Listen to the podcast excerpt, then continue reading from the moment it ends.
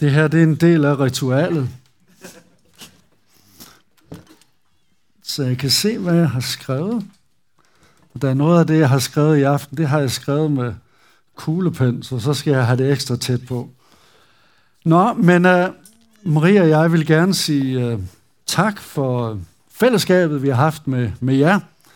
Det har, været, det har været godt at være en del af fællesskabet. Øh, uh, spise sammen, snakke sammen, lytte til noget god musik og lovsynge Jesus. Tusind tak for, for fællesskabet.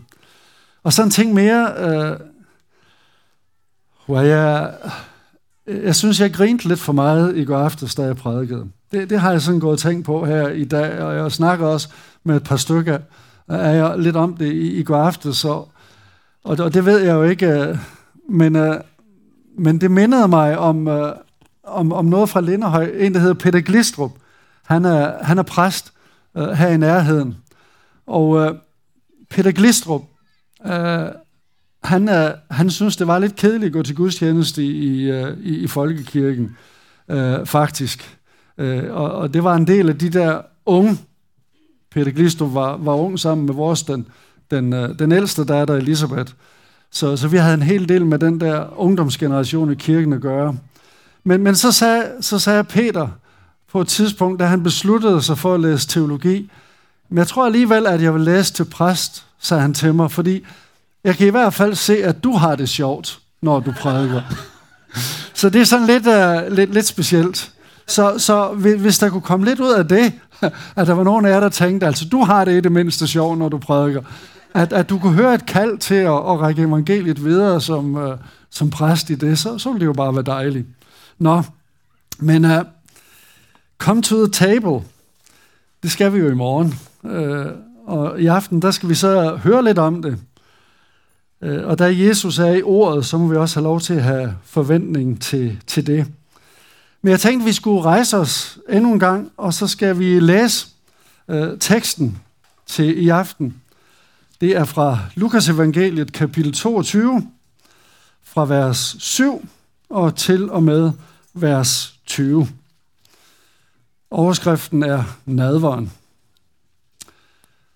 Så kom den dag under de usyrede brøds fest, da påskelammet skulle slagtes. Og Jesus sendte Peter og Johannes afsted og sagde, gå hen og forbered det påskemåltid, vi skal spise. De spurgte, hvor vil du have, at vi skal forberede det? Han svarede dem, når I kommer ind i byen, vil I møde en mand, som bærer på en vandkrukke. Følg efter ham til det hus, han går ind i, og sig til husets ejer – Mesteren siger til dig, hvor er det rum, hvor jeg kan spise påskemåltidet sammen med mine disciple? Så vil han vise jer et stort rum ovenpå med hynder. Der skal I forberede det. De gik og fandt det sådan, som Jesus havde sagt, og de forberedte påskemåltidet. Da timen var inde, satte han sig til bord sammen med apostlene, og han sagde til dem, jeg har længtes meget efter at spise dette påskemåltid sammen med jer, før jeg skal lede.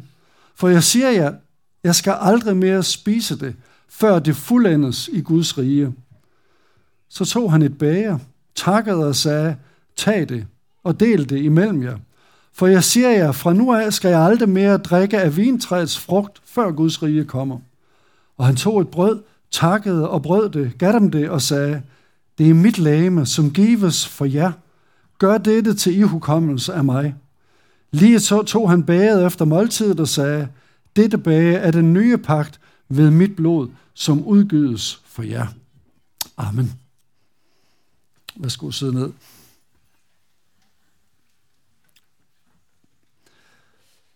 Det er sådan en rig tekst, som jeg jo slet ikke kan nå at udlægge her i aften. Men, uh, men lad, os, lad os bede om, at, at Gud vil tage de her ord, som vi har hørt, og så bære dem ind i, i vores hjerter.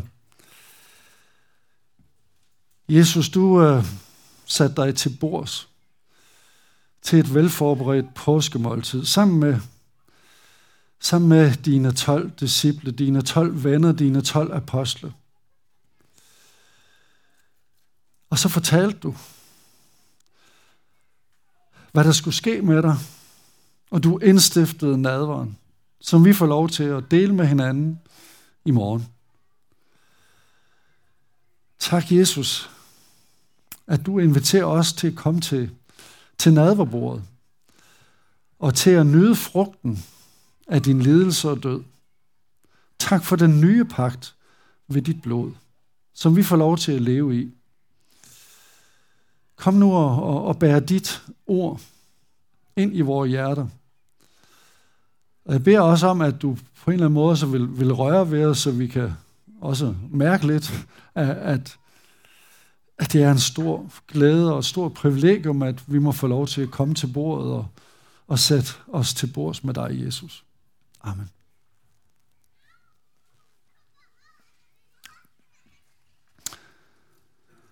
Der er i hvert fald nogle af os, der er optaget af et menneskes sidste ord.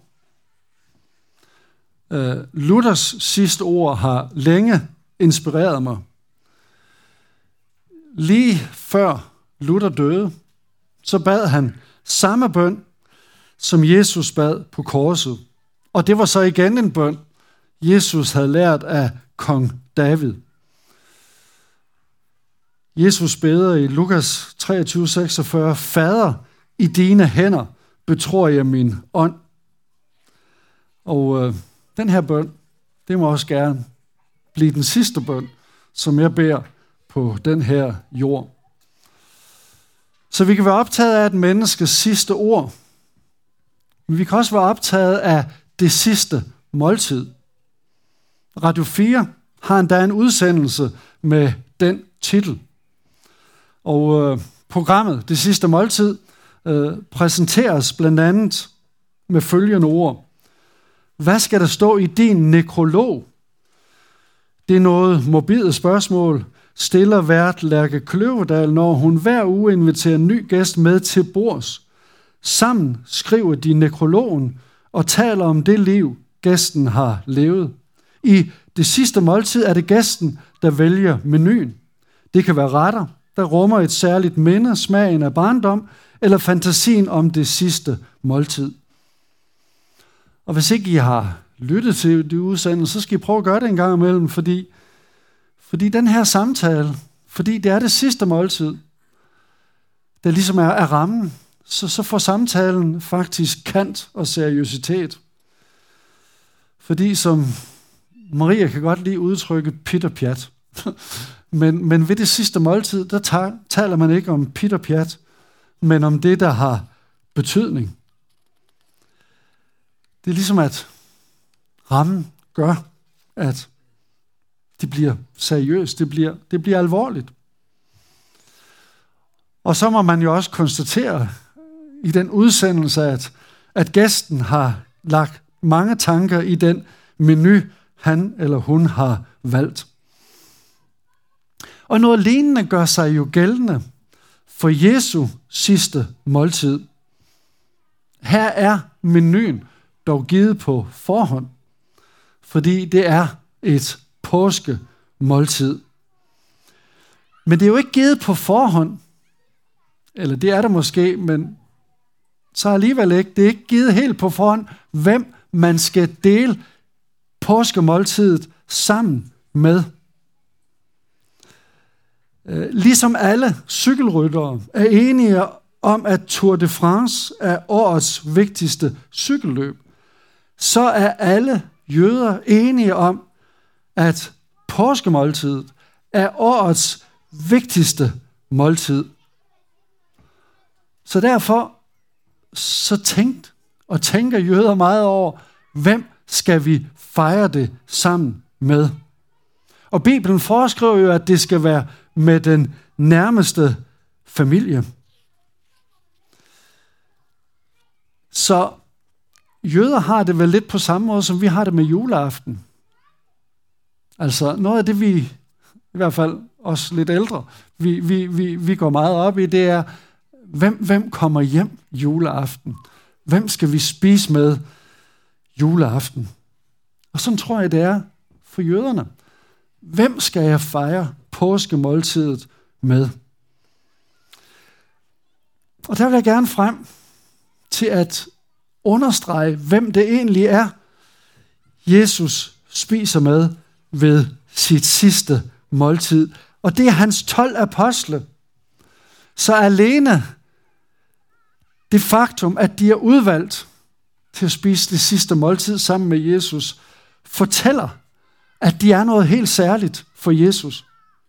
Altså, vi har hørt, hvordan Jesus har spist med tolleren Levi og farisæeren Simon. Han har fortalt historien om Guds gæsteliste, hvor han faktisk har sagt, at til det der store festmåltid, der skal vi ikke invitere vores venner. Men det skal jo læses i kontekst, også den her kontekst. Fordi påskemiddagen spiser Jesus sammen med sine nærmeste venner. I Lukas 8, 19-21 læser vi om Jesu sande slægtninge. Jesu mor og brødre kom til ham, men de kunne ikke nå hen til ham for folkeskaren, og der gik bud ind til ham. Din mor og dine brødre står udenfor og vil se dig. Men han svarede dem, min mor og mine brødre, det er dem, der hører Guds ord og handler efter det. Så Jesu nærmeste familie, ja, det er dem, der hører hans ord og handler på det. Og det betyder jo ikke, at Jesus er fuldstændig ligeglad med sin mor eller sine biologiske brødre og søstre. Men det, at Jesus fejrer påskemåltid med sine disciple, siger alligevel noget om, hvor nært forbundet Jesus er med dem, der tror på ham og følger hans ord. Hvor nært Jesus forbundet er med os, der i dag tror ham. Læg også mærke til, at Jesus har forberedt det sidste måltid. Altså når det gælder Jesu måltider, så får vi ikke indtryk af, at de er særlig velforberedte. Det er som om Jesus, han bare sådan dumper ind. Hvis nogen inviterer, så siger han ja. Og hvis ikke rigtigt der er nogen, der inviterer, så inviterer han sig selv på middag. Altså, det, Jesus havde sådan en laissez-faire livsstil på en eller anden måde.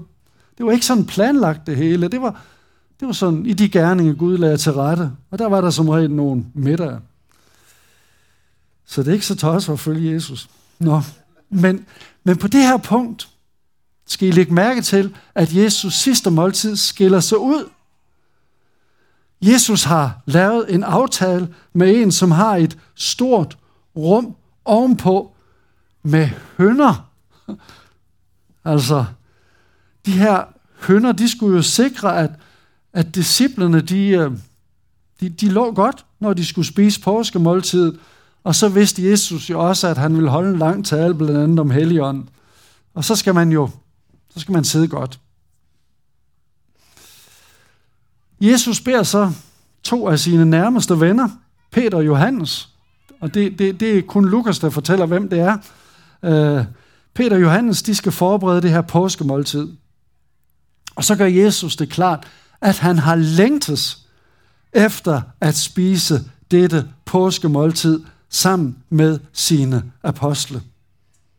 Og så får han til i vers 15, før jeg skal lide. Og igen Jesu længsel.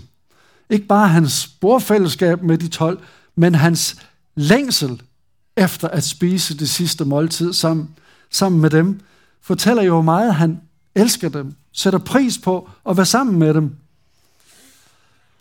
Jeg kan jo godt længes efter nadveren. Hvis jeg ikke har fået nadver nogle dage, ja, så kan jeg næsten fysisk mærke, at, at jeg savner nadveren. Jeg ved ikke, om, om du kender til det.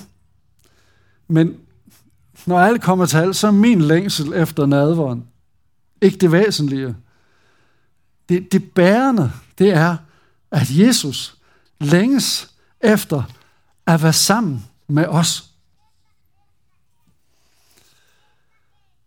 Så understreger Jesus også, at påskemåltidet virkelig er hans sidste måltid med disciplene. Eller rettere det sidste måltid, før Guds rige kommer. Der i vers 18. For jeg siger jer, fra nu af skal jeg aldrig mere drikke af vintræets frugt, før Guds rige kommer. Og det tror jeg, vi skal lægge mærke til, fordi når vi fejrer nadver, så, så, så tænker jeg tit tilbage på, på da Jesus indstiftede nadver måltid. Men, men det er også vigtigt, at når Jesus indstifter nadveren, så, så ser han frem. Det sidste måltid peger dermed ikke blot tilbage til jødernes påskemåltid, men frem mod det himmelske måltid. Jeg har læst mig til, at ved påskemåltidet siger jøder altid næste år i Jerusalem. Der er jo en del øh, jøder i Danmark, og de øh, spiser også øh, påskemåltid med hinanden. Øh, de rejser ikke hvert år til Jerusalem og fejrer påske der. De fejrer det i København og andre steder. Men øh, jeg har altså læst mig til, jeg håber det er rigtigt, at øh, de altid siger, måske som afslutningen eller på et eller andet tidspunkt under måltidet, næste år i Jerusalem. Så på den måde så understreger jøderne også håbet. For os bliver det så håbet om det nye Jerusalem. Men Jesus gør altså det samme. Han lover os ved nadvart, at en dag skal vi drikke af vintræets frugt i Guds rige. Og det her med, at Jesus ved det sidste måltid ser frem mod det ultimative måltid, det, det er faktisk vigtigt, også i Bibelen. Jeg tror, jeg nøjes med et sted her. Esajas 25:6. På dette bjerg skal herskers herre holde festmåltid for alle folkeslagene. Det var derfor, alle skulle inviteres, ikke også i det gæstmål, festmåltid, vi hørte om i går aftes. For alle folkeslagene. Et festmåltid med fede retter og lagret vin. Med magfede retter og ædel lagret vin. Læg mærke til, at ved det her ultimative festmåltid, der er folkene et. Den her adskillelse mellem jøder og hedninger, den er overvundet i Jesus. Nu sidder hedninger til bords med Abraham og Isak og Jakob i himmeriget.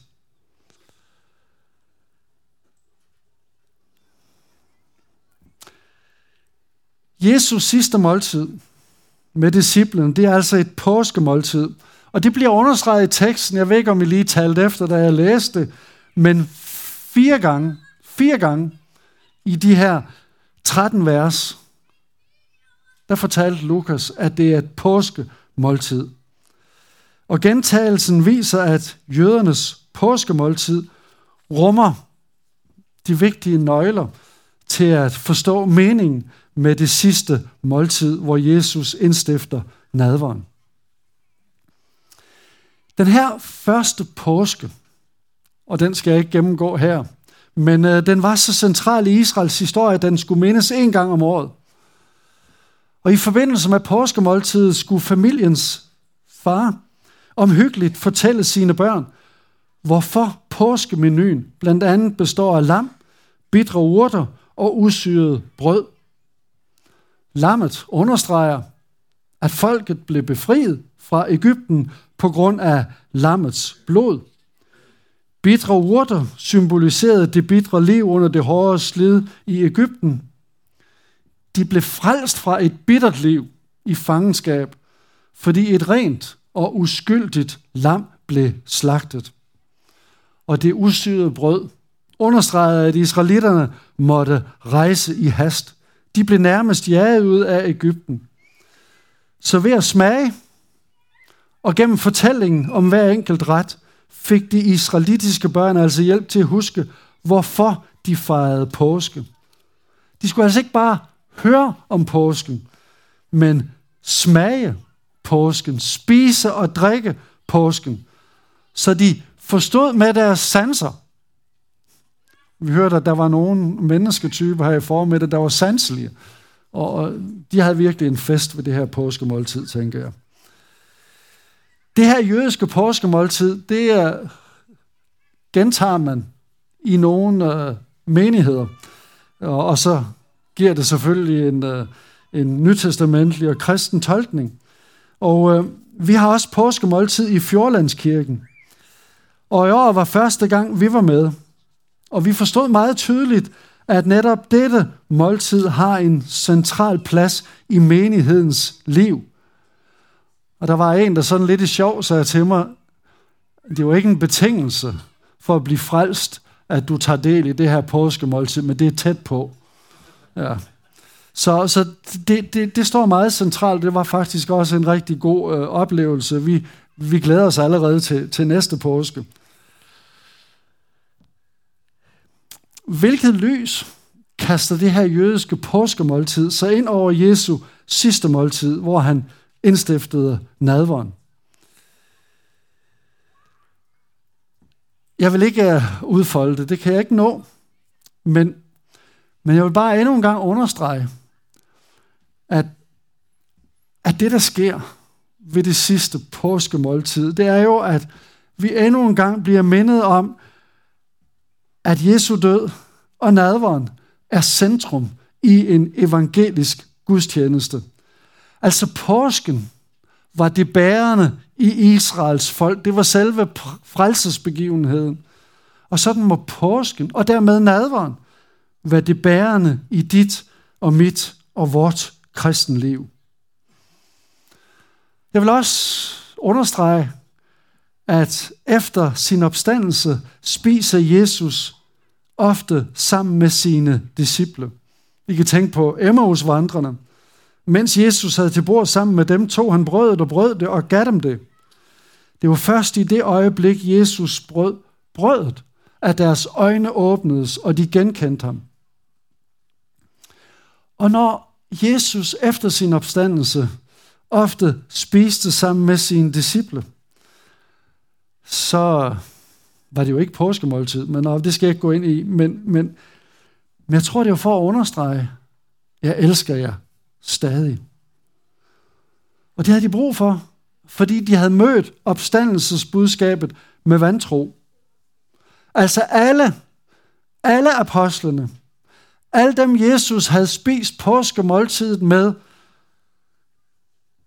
opfattede opstandelsesbudskabet som løs snak. Lukas 24, 9-11, og de, og det var altså kvinderne, vendte tilbage fra graven og fortalte alt dette til de 11 og alle de andre. Det var Maria Magdalene og Johanna og Maria Jakobs mor og de andre kvinder, som var sammen med dem. De sagde dette til apostlene, men det lød for dem som løs snak, og de troede ikke kvinderne. Øh, Morten han sagde i sin bibeltime her i morgen, eller her til, til morgen, det, det, det skammer jeg mig over. Og, og hvad Morten skammer sig over, det skal jeg ikke gentage her. Men sådan kan vi alle sammen have nogle ting i vores liv, som vi, vi skammer os over. Og jeg tror, de her apostle, de skammede sig over, at de ikke troede Jesus på hans ord, og at de ikke troede kvindernes vidnesbyrd. Men Jesus, den opstandende, spiste med sine apostle, fordi han vil understrege, jeg bare også det, I skammer jer over. Levi og farisæren Simon, de blev inviteret ind i måltidsfællesskab med Jesus.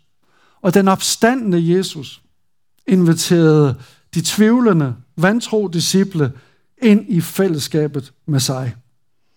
Så gik der 40 dage, og så holdt Jesus op med at vise sig for sine disciple. Nu spiste han ikke længere synligt sammen med dem. Men så begyndte de første kristne at fejre nadver. De gjorde, som Jesus havde befalet dem. I Apostlenes Gerninger 2.46, der kan vi læse følgende om disciplene i Jerusalem. Hjemme brød de brødet og spiste sammen. De forstod påskemåltidet, nej, nadveren, som et reelt fællesskab med Jesus. Så selvom Jesus sad ved faderens højre hånd, så var han midt i blandt dem, når de fejrede nadver. Det er ikke bare mig, der siger det. Det siger Paulus. 1. Korinther 10, 16. Velsignelsens bager, som vi velsigner, er det ikke fællesskab med Kristi blod. brødet, som vi bryder, er det ikke fællesskab med Kristi lame. Jesus er virkelig reelt til stede. Vi har et reelt fællesskab med den opstandende, når vi fejrer nadver. Uh, Marie er rigtig god til at lave et billedalbum for hvert år. Så i det album, de albums, for dem er der mange af, der har vi en guldgruppe af gode minder. Der er for eksempel billeder af min svigerfar, som desværre døde i maj 1981. Og, og når jeg ser billeder af min svigerfar, Ejner, så mindes jeg for eksempel med taknemmelighed, hvordan han modtog mig, da jeg første gang blev præsenteret for familien. Jeg bliver faktisk sådan lidt øh, varm om hjertet, når jeg ser et billede af svigerfar. Og det er godt. Det er godt med gode minder. Dem har vi brug for. Men det er jo ikke sådan, vi skal forstå det, Jesus siger til sine disciple. Gør dette til ihukommelse af mig. Fordi nadveren, det er ikke sådan et mindemåltid, hvor jeg med taknemmelighed tænker på Jesus og alle de middage, han spiste sammen med sønderen. Nej, Jesus kommer i skikkelse af brød og vin. Han er virkelig til stede som den korsfæstede og opstandende, når vi fejrer nadver. I nadveren, der har vi et reelt måltidsfællesskab med Jesus Kristus. Og Luther, han har været rigtig god til at understrege det. Går vi til den store katekismus, så bemærker Luther, at nadveren bruges alt for lidt. Luther gik ikke ind for nadvertvang, men han erfarede, at mange brugte friheden til at holde sig borte fra nadveren. Luther skriver, de som vil være kristne, må berede sig på ofte at modtage det højværdige sakramente.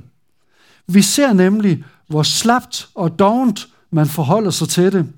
En stor mængde af dem, som hører evangeliet, lader nu både et og to år eller længere endnu gå uden at nyde skal jeg se, hvad jeg har skrevet her, sakramentet, som om de var så stærke kristne, at de ikke trængte til det. Så Luther går ind for, at vi alle, alle vi, der tror på Jesus, går regelmæssigt til nadver. Og på det punkt, der tror jeg, vi er mere lutherske, end vi var for 100 år siden i Danmark. For vi fejrer nadver ved stort set alle gudstjenester. Sådan gjorde vi i hvert fald i Linderhøj Kirke, og sådan gør vi det også i Fjordlandskirken. Og det er positivt, fordi vi har brug for hver søndag at blive mindet om, at vi ikke er kristne i kraft af vores egen præstation eller fromhed. Jeg tør kalde mig en kristen, fordi Jesus bar mine sønder på korset og deler frugten af hans lidelse og død med mig, når jeg modtager nadveren. Jeg vil gerne citere et uh, måske lidt for langt afsnit i virkeligheden fra en, en god bog. Den er skrevet af præsten Ronald Dunn. Og øh, da jeg første gang for mange år siden læste det her afsnit, så slog det mig, hvor, hvor, hvor logisk jeg kan gå hen og blive i, i mit liv og min tjeneste. Men lad mig, lad mig citere, hvad, hvad han skriver. En bestemt dag havde været usædvanligt hektisk. Jeg havde ikke taget mig tid til at bede eller læse i Bibelen. Jeg havde ikke foretaget mig noget åndeligt. Jeg havde skrevet nogle nødvendige breve, besvaret en del telefonopkald og planlagt nogle møder – men jeg havde altså ikke lavet noget åndeligt. Da jeg skulle bede, følte jeg mig uværdig. De første ord, der kom ud af min mund, var disse. Herre, jeg ved, at jeg ingen ret har til at bede dig om noget som helst i aften. Men pludselig var det, som om Herren sagde, lad os antage, at du havde foretaget dig en masse åndelige ting i dag. Lad os forestille os, at du havde bedt i to timer, læst din Bibel på din knæ i fire timer og før ti mennesker til tro på Jesus. Vil du så bede med større tillid, end du gør nu? Ja, det ville jeg. Så beder du i dit eget navn. Du tror, jeg hører dig på grund af din hellighed. Du tror, jeg er mere villig til at høre på dig, når du har gjort en masse gode gerninger. Du kommer til mig i dit eget uværdige navn. Hvis du havde bedt i otte timer, og læst Bibelen på dine knæ i otte timer, og havde ført 50 mennesker til Jesus, vil du ikke have større ret til at bede til mig, end du har lige nu. Jeg så ned på gulvet i Guds tronsal. Det var dækket med blod. Det var ikke dækket med mine gode gerninger, men med blodet fra Kristi offer. Der har jeg tit tænkt på. Det kan også være lidt logisk. Så så langt Ronald Dunn. Det er befriende. Jeg kan altid komme til Gud i Jesu navn. Det er ikke min tro, varme følelser, lange bønder, bibellæsning, samtale med ikke-kristne eller min kærlighed til Jesus, der giver mig lov til at komme til Gud. Jeg kommer i Jesu navn, og det bliver jeg mindet om i forbindelse med nadverens måltid. Der bliver jeg ligesom justeret ind. Det er det, Jesus har gjort, der er centrum. Og øh, det er altid farligt at sige, at jeg vil runde af, men jeg vil begynde sådan landingen. Øh, og, og jeg vil runde af med sådan et par, par billeder, som øh, understreger, måske på en lidt øh, emotionel måde, hvad, øh, hvad nadveren er og kan klargøre for os. Som øh, forberedelse af de her aftenmøder, der har jeg så læst den her bog, den nævnte jeg øh, ved den første aften, A Meal with Jesus af englænderen Tim Chester. En, en anbefalesværdig øh, bog. Øh, I den her bog, der fortæller han om Nigel Slater. Og Nigel Slater fortæller, hvordan han som barn en dag sagde til sin far, at mors kys smagte som skumfiduser. Da Slater var ni år gammel, døde hans mor. Hver eneste aften lagde Nigel Slaters far så en skumfidus ved siden af søndens seng. Så han stadig kunne få et kys, et godnatkys af sin mor. De her skumfiduser forbandt sønnen med sin mor. Og når vi fejrer nadver, ja, så spiser vi ikke skumfiduser. Vi modtager Herrens lame og blod. Men vi smager det jo. Så måske er det ikke så langt til at forestille sig, at Jesus giver os et kys i nadveren. Han kommer helt tæt til os og forsikrer os om, at han elsker os. Det andet billede, det er lidt mere kendt, tror jeg. Det er Karen Bliksens fortælling om Babettes gæstebud. Og den har kørt i mit baghoved, øh, da jeg har arbejdet med, med, med det her emne. Så, øh, så jeg har skrevet lidt sådan for ligesom at, at, at prøve at bruge øh, fortællingen en lille smule som, som afslutning på, på de her fire aftenmøder.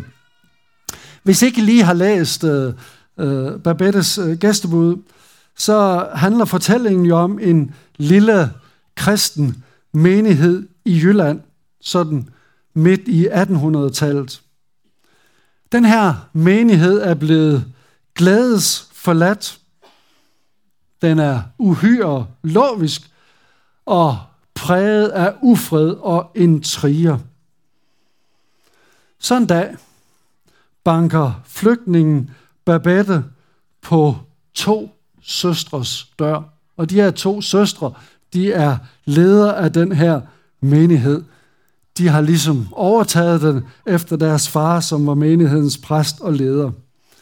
Babette er flygtet fra Paris, og så får hun så husly hos de her to søstre. I 12 år tjener hun som deres husholder. Hun lærer, hvordan man tilbereder øllebrød eller andre ydmyge måltider. Så sker der det under, at Babette vinder 10.000 frank i et lotteri. Hun har en ven i Paris, der hvert år har fornyet hendes lottokupon, og nu er hendes nummer altså trukket ud. Hun har vundet. Babette spørger så de her to søstre, om hun må forberede et festmåltid til dem og den lille menighed. Og det får hun så lov til, selvom de søstrene, de er selvfølgelig lidt betænkelige ved det her. Hun serverer så den ene ret efter den anden. Og maden er den mest udsøgte, man kan få. Men menigheden, de er blevet enige om, at ingen må nyde maden, og der slet ikke rose eller bare kommentere maden. Blandt gæsterne er der så en general, som er på besøg. Og øh, de er jo vant til at råbe, de her generaler, og det gør den her general også. Han giver højlydt udtryk for sin begejstring, og fortæller, at han kun én gang i sit lange liv har smagt noget så lækkert, nemlig på den berømte Café Anglais i Paris. Som måltidet skrider frem, så begynder der at ske noget. Menigheden genopdager glæden. Ja, aften slutter med, at menigheden hånd i hånd danser rundt om landsbyens brønd og synger med hjertet de gamle sange om troens liv med Jesus. Og når jeg sådan tænker på, at de danser omkring brønden, så må det være Jesus, der er brønden med det levende vand. Men jeg ved ikke, om Karen Bliksen har tænkt på det. Mens menigheden synger og fester, så finder de to søstre, Babette, siddende ude i køkkenet. Med et træt og fjernt blik, så siger hun, jeg var engang kok på Café Anglais. Og søstrene siger, vi vil altid huske denne aften, også efter at du har rejst hjem til Paris. Men sagen er, at Babette vil aldrig vende tilbage til Paris. Fordi hun har brugt 10.000 frank, hele sin formue på dette ene måltid. Hun har brugt hele sin gevinst på at bringe glæde til en glædesløs og splittet menighed. Måske kan I forstå, hvorfor den her Karen Bliksen fortælling har ligget i baghovedet sådan under, under overfladen til de her øh, fire aftener med overskriften til middag med Jesus. Fordi vi har jo glædet os over, at vi alle er inviteret med. Og vi har også undret os over, hvordan vi i dag kan sige nej til det her overdrevne festmåltid, Jesus tilbyder os. Og vi har set, hvordan det at spise sammen med Jesus forandrer og forvandler. Det er ved et måltid. Jesus fortæller tolleren Levi, jeg kan bruge dig, og jeg er glad, fordi du giver mig en middag. Og i aften, der er vi så understreget, hvad det kostede Jesus at invitere os alle til middag. I har sikkert også bemærket, at der mangler noget vigtigt ved Jesu påskemåltid med sine 12 apostle. Ikke bare noget vigtigt. Det vigtigste, det helt fundamentale, det mangler. Fordi der er ikke noget lam. Der er vin. Der er brød. Men der er intet lam. Jo, det er der. Det er ham, der har planlagt påskemåltidet. Det er ham, der sidder ved bordenden, der er lammet. Det er Guds lam.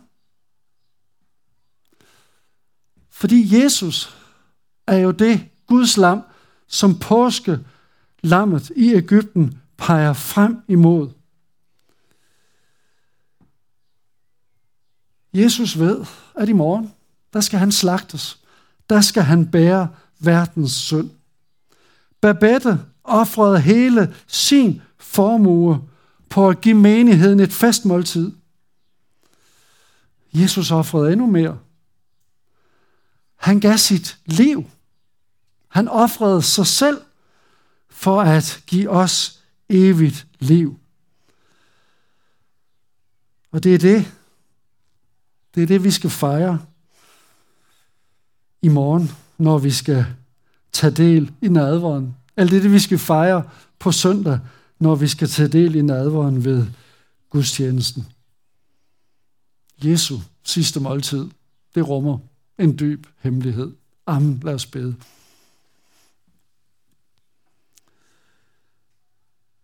Jesus, vi har hørt det så mange gange. I hvert fald nogen af os i det her telt. At du offrede alt, så vi kan få tilgivelse for alle vores sønder. Jesus, du gav dit liv, for at vi kunne få liv. Jesus, du drak forbandelsens bager, for at du kan række os velsignelsens bager. Jesus, du blev forbandet i vores sted, for at vi kan leve under en åben himmel og blive velsignet. Jesus, vi takker dig, fordi du ved dit sidste måltid med dine disciple indstiftede nadveren. Og vi takker dig, fordi vi får lov til at tilhøre menigheder, hvor vi måske hver søndag, eller næsten hver søndag, bliver inviteret til at modtage dig. Til at modtage dit læme og blod. Ikke bare til at mindes din kærlighed, men til at modtage den, til at fejre den. Og Jesus, så beder jeg om, at nadveren, at nadvermåltidet, ligesom Babettes gæstebud, må forvandle os. Hvis der er opstået strid og ufred og bitterhed i vores fællesskab, så kom og split det ad. Kom, Jesus, som den opstandende, og giv os fred, også fred med hinanden. Og Jesus, hvis glæden er forsvundet fra vores liv, så kom og giv os glæde og forny os i glæden. Velsign nadveren rundt omkring i de forskellige menigheder. Det er vores bøn i Jesu navn. Amen.